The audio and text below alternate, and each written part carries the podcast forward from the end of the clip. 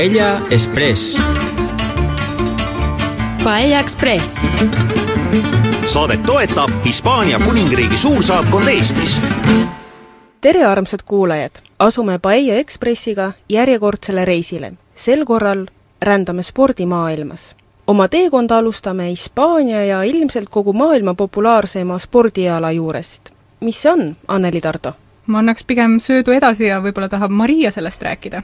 Aga ei, mina küll otsa lahti tegema ei hakka. enim tuntakse seda mängu ikkagi just tänu meestele, kes seda mängivad. kas pole nii, Hector Alcinet Rodriguez? räägime jalgpallist. räägime jalgpallist, aga mitte liiga palju, eks? kas teile meeldib jalgpall? jaa, mulle meeldib jalgpall pööraselt. Mulle meeldib vaadata kõige suuremaid vastasseise, nagu näiteks Madridi ja Barca omavahelised kohtumised ning ka mõningaid Hispaania kondise mänge vahetevahel toimub ikka olulisi mänge, mis kõigi tähelepanu tõmbavad ja paljusid inimesi puudutavad. sellised matšid meeldivad mulle küll, aga iseenesest eelistan vaadata teisi spordialasid. jalgpall on kahtlemata paljudes maades spordialade kuningaks ja nii on see loomulikult ka Hispaanias kui vaatame Hispaania jalgpalli kõrgliigat, saame aimu, milline tähtsus on sellel spordialal ning kui suured rahasummad seal liiguvad. see on rohkem äri ja show-businessi moodi kui spordiala meeskonnad nagu Madrid Real, FC Barcelona ja Athletic de Bilbao esindavad võimsaid klubisid, millel on ühiskonnale täiesti eristatav ja tugev mõju. Neile elatakse kirglikult kaasa ning meeskonna käekäik ja mängust saadud elamused on poolehoidjatele äärmiselt olulised. Enda sidumine ühe meeskonnaga on midagi isiklikku, midagi, mis saadab inimest tema igapäevaelus aastast aastasse. Hispaania on selle kõige elavaks näiteks aga täna ei räägi me mitte ainult jalgpallist, räägime ka korvpallist, jalgrattaspordist, tennisest, kergejõustikust, veespordist, golfist ja talvistest spordialadest. Samuti ka sellest, millised suhte on hispaanlastel spordiga ja kas seda ikka harrastatakse meie teele jäävad ka mitmed suured Hispaanias ja Kataloonias aset leidnud spordisündmused. Paella Express Paella Express.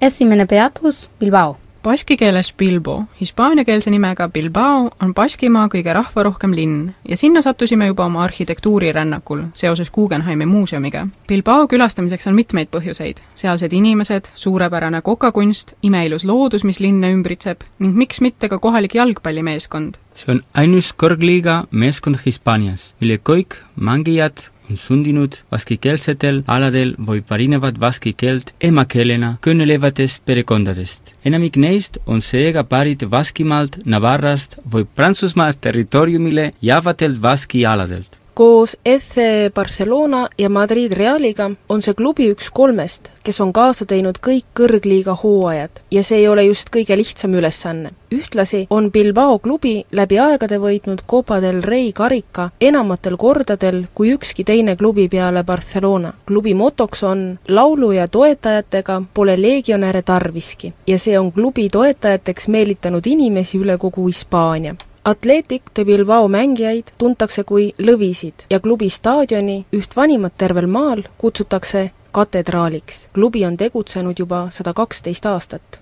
milline on Hispaania kõige vanem jalgpalliklubi? See on Huelva Recreativo Andaluusiast. võistkonna asutasid tuhande kaheksasaja kaheksakümne üheksandal aastal inglased, kes töötasid Rio Tinto kandi kaevandustes. jalgpalliklubi tegevus laienes sealses piirkonnas kiiresti. hetkel mängib Huelva meeskond Hispaania tugevuselt teises liigas võiksime jalgpallist rääkida ka saate lõpuni, aga ärgem unustagem, et tänaseks teemaks on sport kui selline ja seega jätkame oma reisi teistessegi paikadesse, mis te arvate? kas me Madridist ega Varssas ei räägigi? Barssa tegutseb tõepoolest vägagi laial rindel. klubil on veel ka elukutseliste käsipalli, saalijalgpalli ja rulluisu hokivõistkonnad ning lisaks üheksa harrastajate võistkonda. klubi motoks on Barssa on enam kui lihtsalt klubi meeskonna toetajaid kutsutakse kuleerideks ja võistkonna kodustaadioniks on üks Euroopa suurimaid staadioneid, Camp Nou. Madrid Real on läbi aegade olnud ja on praegugi üks maailma paremaid jalgpallimeeskondi. Euroopa tugevaim klubisari, meistrite liiga, on võidetud koguni üheksal korral, mis on ka täiesti ainulaadne saavutus. suure rivaliteedi tõttu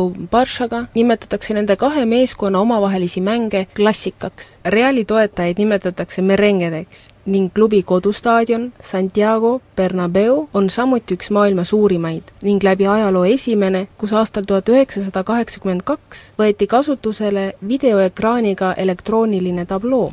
kõige tähtsamaks Hispaanias toimunud jalgpallivõistluseks oli kindlasti tuhande üheksasaja kaheksakümne teise aasta MM olgu, oleme juba maininud mitmeid jalgpalliga seotud seiku, aga kindlasti oleks kuulajatel huvitav teada saada ka mõningaid olulisi aastaid Hispaania spordiajaloost. näiteks juba viieteistkümnendal sajandil on mõningad kirjamehed maininud vehklemiskunsti ja ratsutamist, mis polnud küll spordiala, ent siiski praeguse ratsaspordi eelkäija. tänu kuningas Carlos Viiendale ja temaaegsele peaministrile Godoyle avati Madridis aastal tuhat kaheksasada kuus Pestalozziano kuninglik sõjaväeinstituut, kus arvatakse olevat alguse alguse saanud võimlemise ja kehalise kasvatuse traditsioonid Hispaanias. aastast tuhat kaheksasada seitsekümmend viis hakati korraldama esimesi jalgrattasõite Madridis ja Barcelonas ning nagu juba mainisime, asutati esimene jalgpalliklubi Hispaanias aastal tuhat kaheksasada kaheksakümmend üheksa. tuhat üheksasada kaksteist asutati aga Hispaania olümpiakomitee. aga mis te arvate, milline spordiala on jalgpalli järel teisel kohal? Ilmselt korvpall, kuigi armastatakse ka tennist ja motospordi.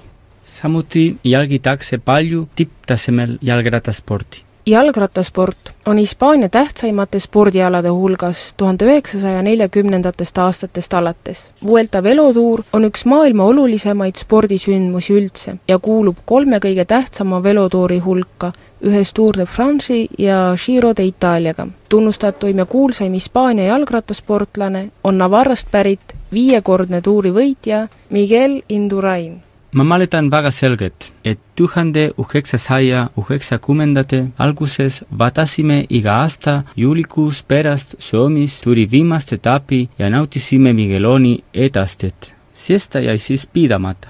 Miguel oli kõige kuulsam, aga teised suured tegijad olid Pedro Delgado, Alberto Contador, Carlos Freire või esimene hispaanlastest tuurivõitja Federico Bamondes et meil juba hoo sisse saanud teekonnal samm aeglasemaks ei jääks, kuulame Uruguay laulja ja helilooja Jorge Drexleri laulu Deseo.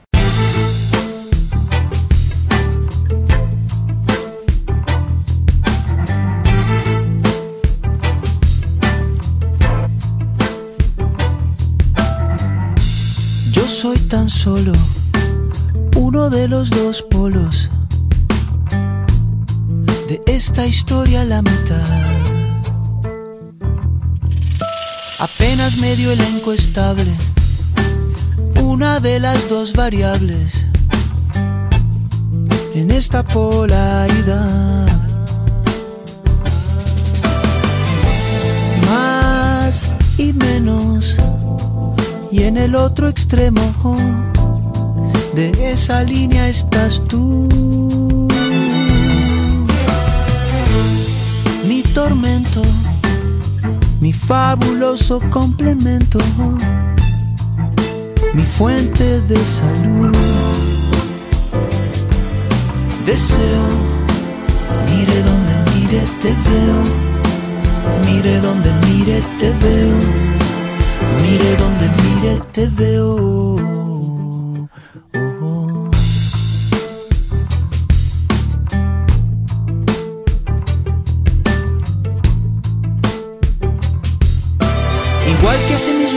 Siglos en un microscópico mundo distante se unieron. Dos células cualquiera. Instinto, dos seres distintos. Amándose por vez primera. Deseo, mire donde mire te veo Mire donde mire mire te veo, mire donde mire te veo.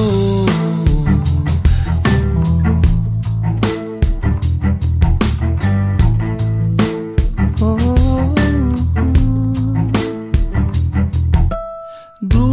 Dulce magnetismo. Dos cargas opuestas buscando lo mismo.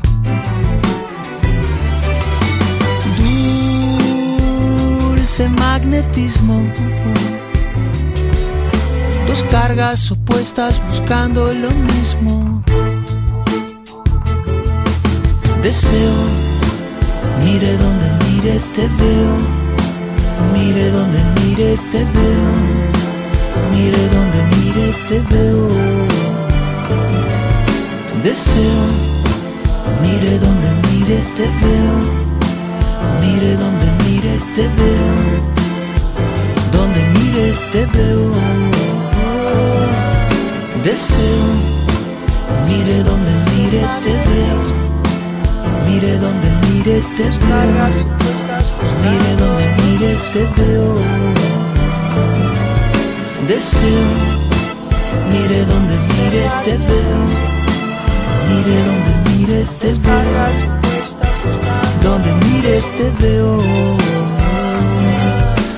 Deseo, mire donde mire te veo. Mire donde mire te veo. Donde mire te veo. Deseo. Paella Express. Paella Express. saadet toetab Hispaania kuningriigi suursaatkond Eestis järgmine peatus Ciudad Real. Nüüd oleme jõudnud linna, mille rajas kuningas Alfonso Kümnes Tark tuhande kahesaja viiekümne viiendal aastal. siin elab sada tuhat elanikku ja sellel linnal on väga hea kiirrongiühendus Madridiga. oleme siin sellepärast, et siin treenib üks Euroopa ja ühtlasi ka maailma parimaid käsipallimeeskondi. käsipall on hoogu kogunud viiekümnendatest aastatest. nüüdseks mängitakse vabas õhus üheteistkümne mängijaga ja seitsme mängijaga sisesaalides. Ciudad Reali käsipalli mänguväljak kannab nime Quijote Arena ja mahutab kuus tuhat inimest, olles seega suurim saal Castilla-La Manchas Hispaania ja Kataloonia kõige tuntumad käsipalliklubid on FC Barcelona, mis on võitnud seitse Euroopa karikat ja Ciudad Reali klubi, mis on võitnud kolm Euroopa karikat käsipall on kaunis spordiala küll, aga Eestis ei teata Hispaania käsipallureid vist nii palju kui tennisemängijaid. Tennis on väga tuntud tänu sellistele sportlastele nagu Rafa Nadal, Fernando Verdasco, Arantxa Sanchez Vicario või Manolo Santana. Hispaania on eriti võidukas olnud saviväljakutel, seda tõendavad viisteist Pariisi Roland Garrose turniiri karikat, millest neli on võitnud Rafa Nadal. tennis on üha enam populaarsust võitmas nii laste kui täiskasvanute hulgas. praegu on enam kui sada tuhat tenniseföderatsiooni liiget. Suur tenniseklubide arv üle kogu Hispaania on selle ilmekaks tõestuseks. Hispaania tennisekoondis on aastatel kaks tuhat kuni kaks tuhat kümme võitnud neli Davise karikat ja see on märk kõrgest tasemest jah, ja Rafa Nadaliga astume spordi suurte tegijate juurde ja nii võiks meie järgmiseks jututeemaks olla korvpall. jutu tuleb vendadest Paul ja Mark Gasolist. Nemad on tõelised noored tähed, kes mängivad NBA-s. Aga nemad ei ole ainsad. Ameerika Ühendriikides mängivad praegu veel kolm korvpallurit ja neli mängisid seal eelmisel aastal. esimene oli tuhande üheksasaja kaheksakümne kuuendal aastal Fernando Martin. sellesse aega jääb Hispaania korvpalli kuldaeg, sest tuhande üheksasaja kaheksakümne neljandal aastal võideti Los Angelesi olümpiamängudel hõbemedal. seoses hõbedavõiduga tekkis Hispaanias kohe korvpallibuum Real Madrid, FC Barcelona ja Juventud de Badalona olid Euroopa parimate korvpallimeeskondade nimekirjas. sõpradega koos vaatasime finaali. Praegugi veel mäletan mängijate ja meeskondade nimesid, see oli väga põnev. Need kolm meeskonda on toonud ka suuremad võidud. Real Madrid kaheksa, Barcelona kaks ja Juventud ühe Euroopa karika Neile järgnenud uus mängijate põlvkond tõi aga suurimad võidud. kahe tuhande kuuendal aastal korvpalli maailmameistrivõistluste kuld, kahe tuhande kaheksandal aastal Pekingi olümpiamängude hõbemedal ning kahe tuhande üheksandal aastal kuldmedal maailmameistrivõistlustelt Poolas viimase aja suurele korvpalli populaarsusele on kindlasti hästi mõjunud tänaste noorte pikkus, mis peaks kuidagi seotud olema teistsuguse toidulauaga.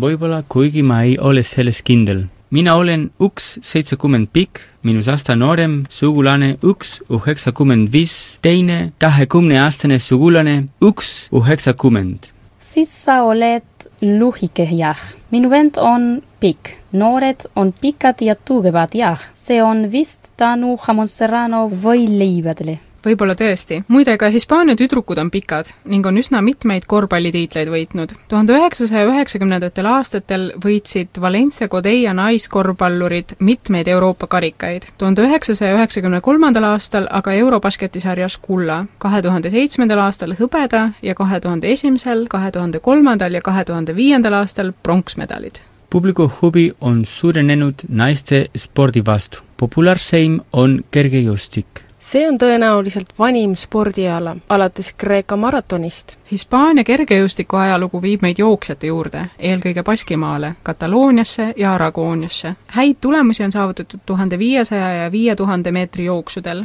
samuti maratonil ja kiirkõndides ning kaugushüpetes. Hispaania on võitnud kolmkümmend kolm medalit maailmameistrivõistlustelt tähtsamad sportlased on tuhande viiesaja meetri jooksja Fermin Cacho ja käija Paquillo Fernandez aga räägime ka vanadest maaspordialadest Hispaanias ja Kataloonias. tuntuimad neist on kindlasti baskide rammukatsumised, mis baski keeles kõlab kirolak, kus on eriti oluline hea füüsiline vorm ja suur vastupidavus.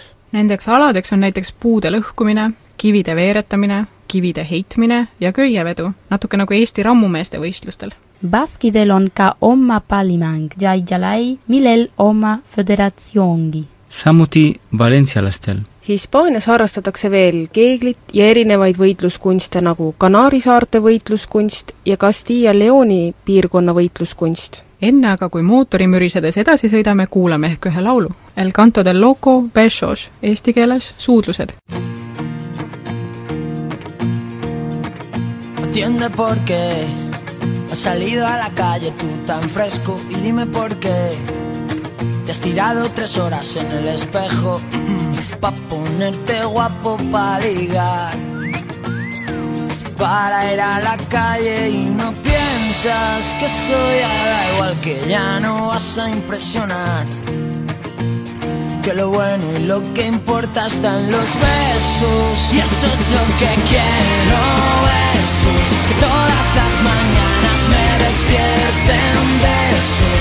Sea por la tarde y siga habiendo besos. Luego por la noche hoy me den más besos para cenar. Y dime por qué te echas mi cremas por el cuerpo si no se te ven se te han olvidado los sentimientos. Tienes que empezar por resolver lo que tienes dentro y no piensas casi en los demás que más darás y malo bien. Mucho metrosexual y faltan besos y eso es lo que quiero. Besos todas las mañanas me despierten besos, sea por la tarde got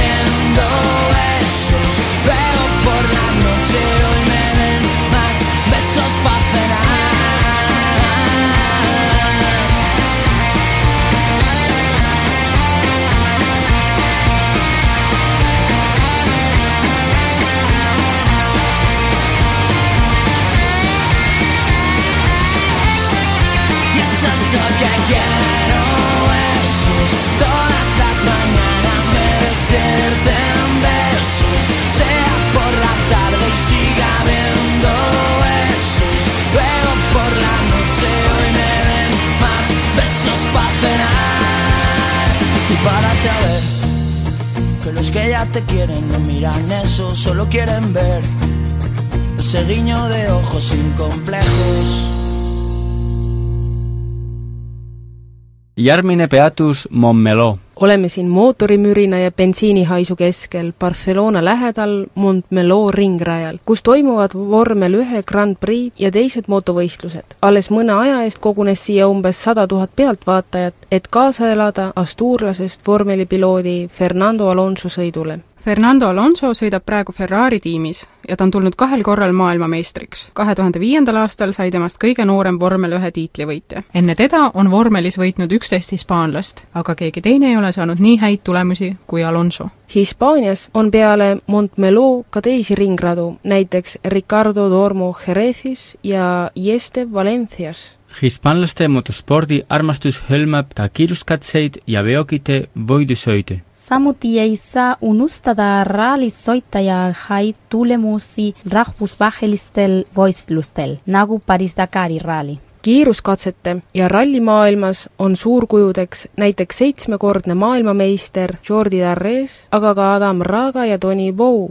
kõige tuntum Hispaania rallisõitja on vaieldamatult mitmekordne maailmameister Carlos Sainz lisaks erinevatele motovõistlustele korraldatakse Hispaanias ka mootorsõidukite näitusi. kuigi autod on tähtsad, ei saa ka mootorratastest mööda. mootorrattasport sai Hispaanias kuulsaks tuhande üheksasaja kuuekümnendatel aastatel tänu Angel Nietole. ta on oma alal üks maailma tippe ning noored peavad teda suureks eeskujuks. teistest kuulsustest võiks mainida Jorge Martinez Asparri, Chito Bonchi ja Angel Crivillet. palju pealtvaatajaid toovad kohale ka praegused selle ala sportlased Dani Pedrosa ja Jorge Lorenzo. fännid ei pea paljuks reisida tuhandeid kilomeetreid, et neid võistlemas näha. ja muidugi reisivad ka fännid ise motorratastega mõnikord on see üsna ohtlik, sest nad organiseerivad ebaseaduslikke võistlusi. Lõuna-Euroopas on üldse palju mootorrattaid, linnad on neid täis ja pole midagi ebatavalist selles, kui juba neljateistkümneaastaselt sõidetakse oma esimese mootorrattaga kooli. Samas toimub Hispaanias teiste Euroopa riikidega võrreldes kõige rohkem liiklusõnnetusi. see võib olla halva liikluskultuuri põhjus või selle tagajärg, et ei osata alkoholi ja juhtimist lahus hoida. suur liiklusõnnetuste arv on Hispaania ühiskonnas jätkuvalt suureks probleemiks, kuigi olukord on tänu suurtele teavituskampaaniatele ja trahvide ning seaduste karmistamisele pisut paranenud.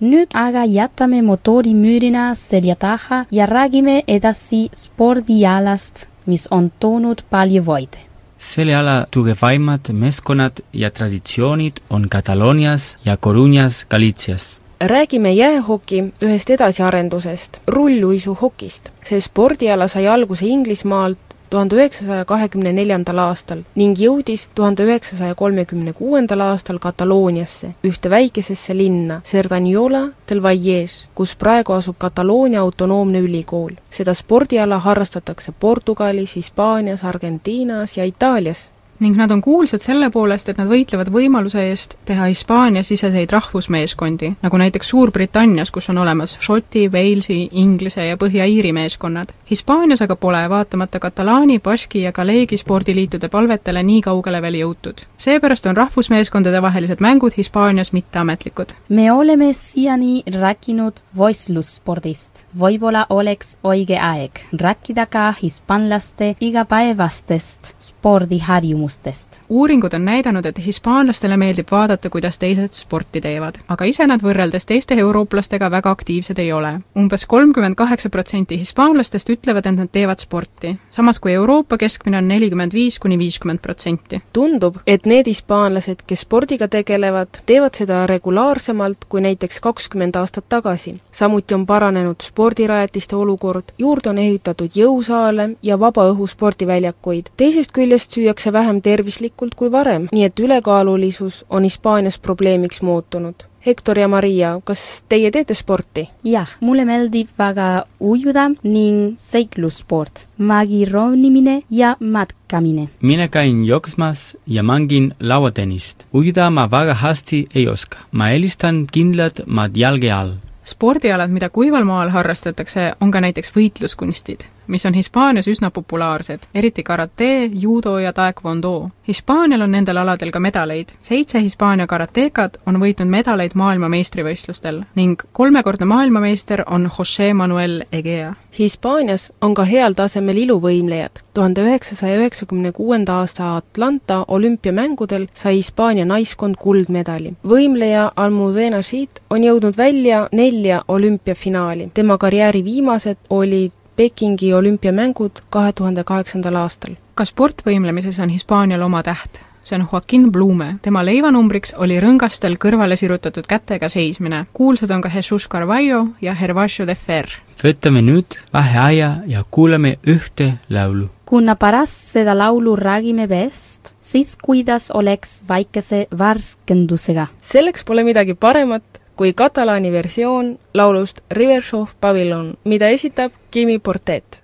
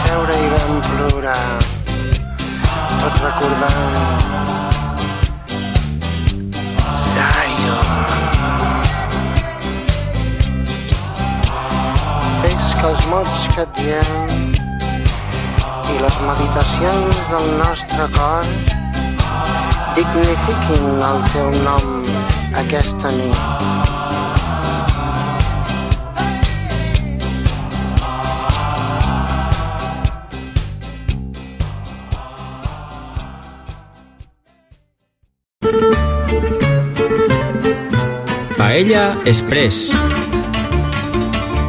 Paella Express. saadet toetab Hispaania kuningriigi suursaatkond Eestis. järgmine peatus La Graciosa. La Graciosa on Kanaari saarte kõige väiksem saar. seal peetakse igal aastal septembris ühte ujumisvõistlust. Lanzarote ja La Graciosa saare vahel on kahe tuhande kuuesaja meetrine ujumisdistants avamerel. sellest võistlusest võivad kõik osa võtta. Hispaanias on veespordist veel nii mõndagi rääkida. milline veespordiala on viimasel ajal kõige edukam olnud? ma arvan, et alustame kujundujumisest. kujundujumine on üsna kaasaegne spordiala see sündis tuhande üheksasaja neljakümnendatel aastatel ja esialgselt nimetati seda veeballetiks. varsti võeti aga ala olümpiamängude kavva ning kunstipärasest vaatemängust sai täpsust nõudev spordiala. esimesed Hispaania kujundujumise meeskonnad õppisid prantslastelt, belglastelt ja hollandlastelt, kuid õige pea kasvas ka Hispaanias tugev meeskond Näki-Neide, kes tegid Hispaanias sellel alal tugeva konkurendi Pekingi olümpiamängudel võitis Hispaania naiskond võitmatute venelannade järel hõbemedali, kuid maailmameistrivõistlustel Roomas kahe tuhande seitsmendal aastal ei olnud Vene kujundujujad kohal ning Hispaania võitis esimese kuldmedali sellel alal. kujundujumise kaks kuldsamat tahte on Gemma Mengual ja Andreas Fuentes. nüüd aga lähme naiseliku veespordi juurest edasi meheliku veepaaliga Hispaanias on tugevaid sportlasi ja seda on näha ka veepallis. see spordiala on alguse saanud Inglismaalt. olümpiamängudel oli see ala esimest korda tuhande üheksasajandal aastal. parimaks meeskonnaks on olnud Ungari, aga ka Itaalia, Saksamaa ja Hispaania, kus alustati veepalliga tuhande üheksasaja seitsmendal aastal. Hispaania veepallimeeskond on võitnud olümpiamängudel kuldmedali Atlantas ja hõbemedali Barcelona mängudel ning on tulnud kahel korral maailmameistriks Maria, kas oskad nimetada mõnda Hispaania veepallurit?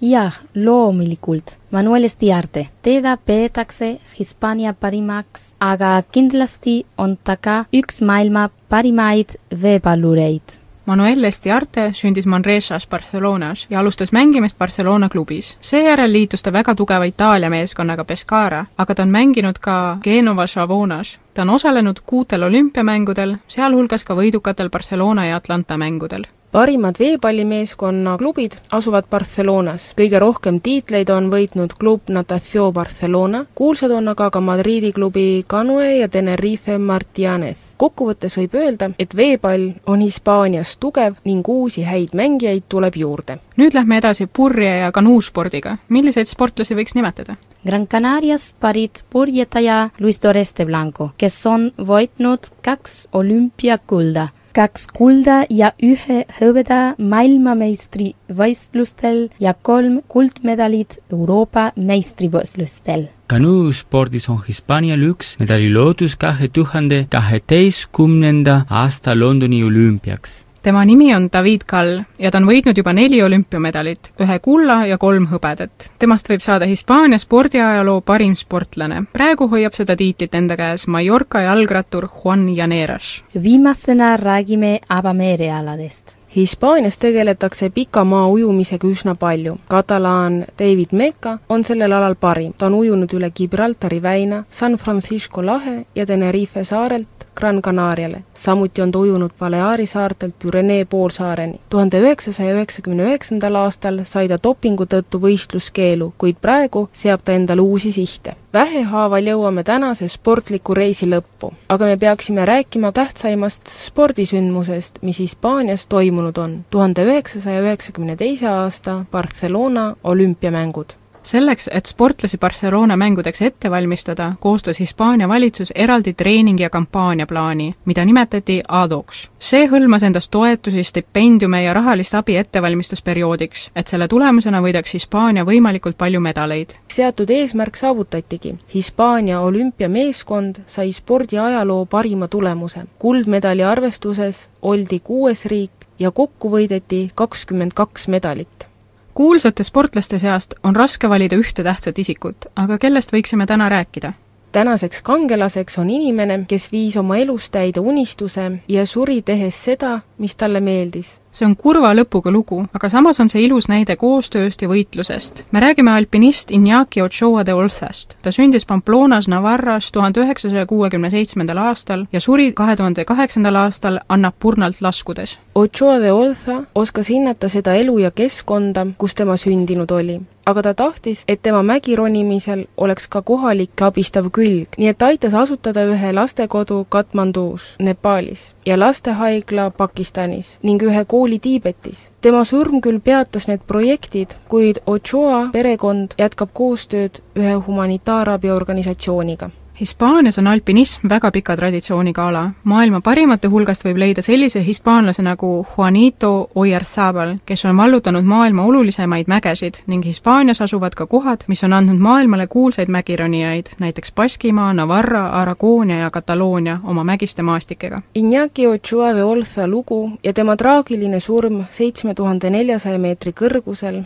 on ka lugu koostööst, sest paljud alpinistid läksid oma elu kaalule pannes ajukahjustuse saanud kaaslast päästma. Nad ei jõudnud õigel ajal kohale, kuid see näitab, et alpinism on meeskonnaala, kus teine mägironija on pigem sõber kui konkurent naisalpinistide hulgast peaks esile tõstma Baski mägironija Tedurne Bašavani. tema on teine naine maailmas, kes on tõusnud neljateistkümne mäe tippu, mis on kõrgemad kui kaheksa tuhat meetrit. mulle meeldiks ka mägedes ronida, aga kuulame, mida räägib sellest tänane kuulaline Hola, buenas tardes, estamos aquí con Rubén Jiménez Sanz. tere pärastlõunat, oleme siin Ruben Jiménez Sanziga, tere Ruben, kuidas läheb?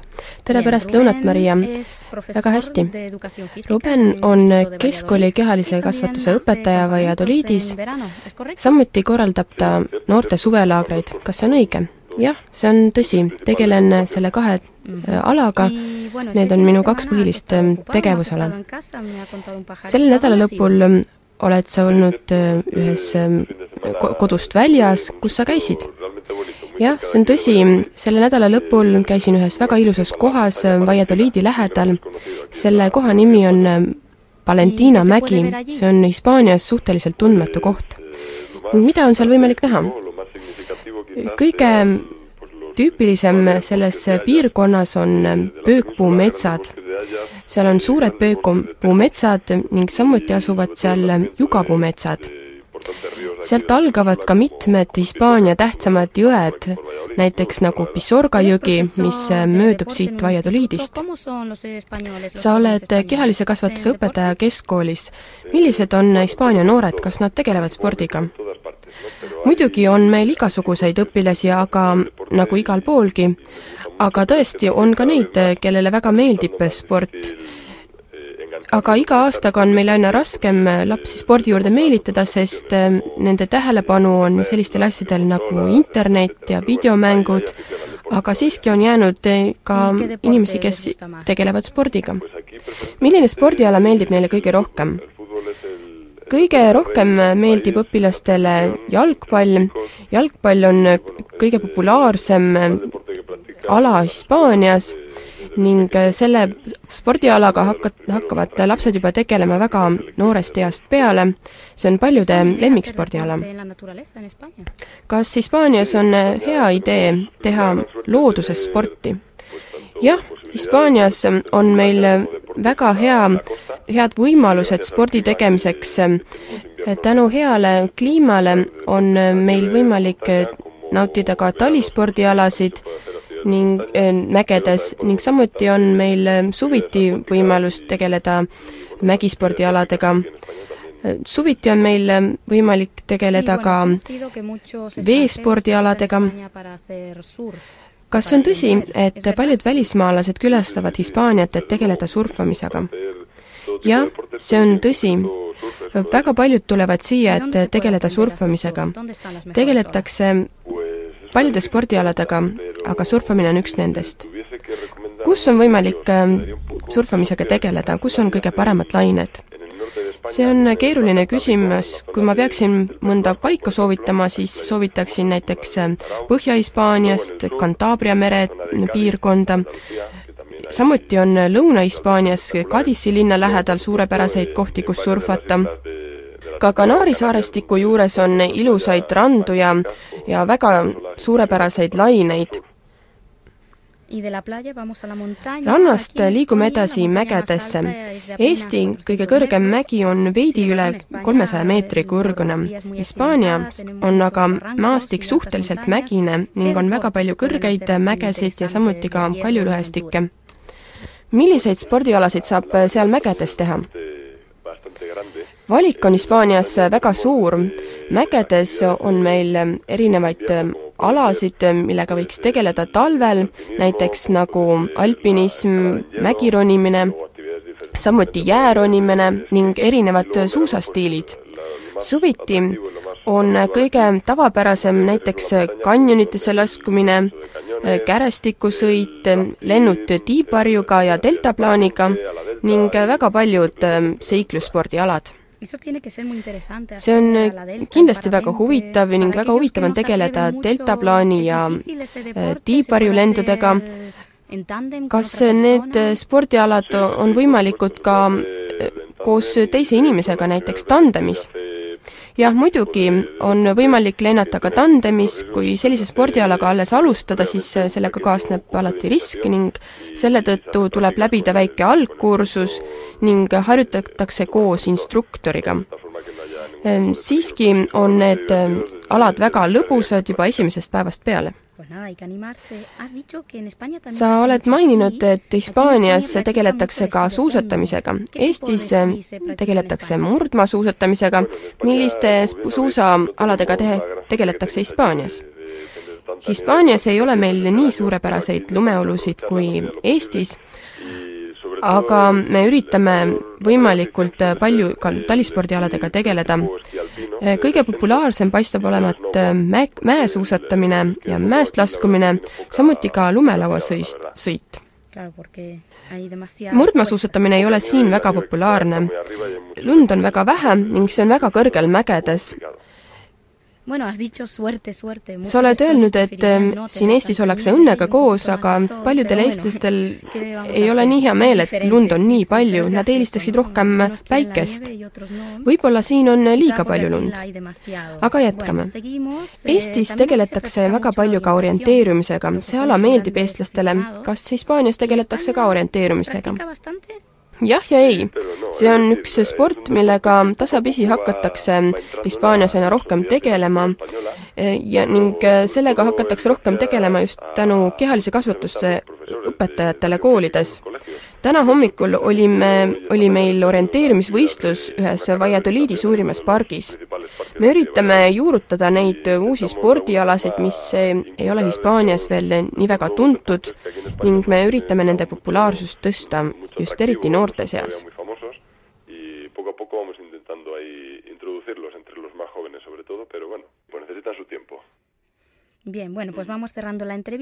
Hakkame intervjuud lõpetama.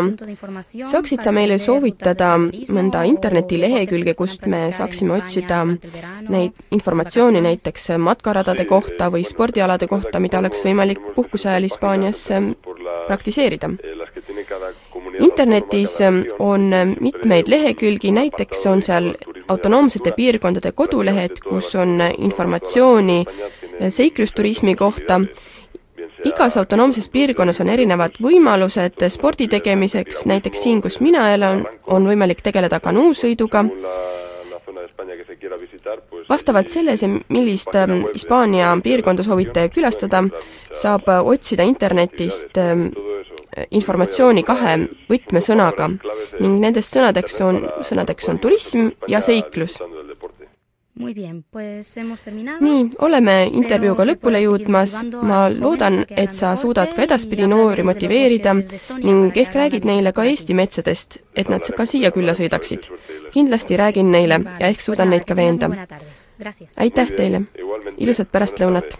oleme rääkinud vabaõhuspordist ja siseruumides tehtavast spordist, individuaal- ja meeskonnaspordist. enne saate lõppu aga õpetame teile traditsiooniliselt ühe sõna neljas Hispaania ametlikus keeles. kuna tänase teema sõna on peaaegu kõigis keeltes ühesugune sport, siis kuidas tunduks sõna mäng, sest sport võikski ju olla nagu mäng.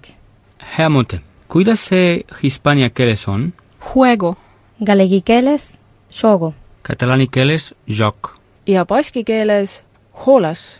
tänase saate lõpetuseks soovime kõigile sportlikku kevadet, nii et raadio taskusse ja loodusesse jooksma või kõndima. see on kevadeks väga hea kombinatsioon. täname kaastöö eest Tartu Ülikooli hispaania keele üliõpilast Mari Kikerpilli ja suulise tõlke magistranti Malle Alarut viimane laul on versioon Coldplay laulust Clocks, millele Buenavista Social Club on lisanud Kuuba rütme. Kuulmiseni järgmisel nädalal!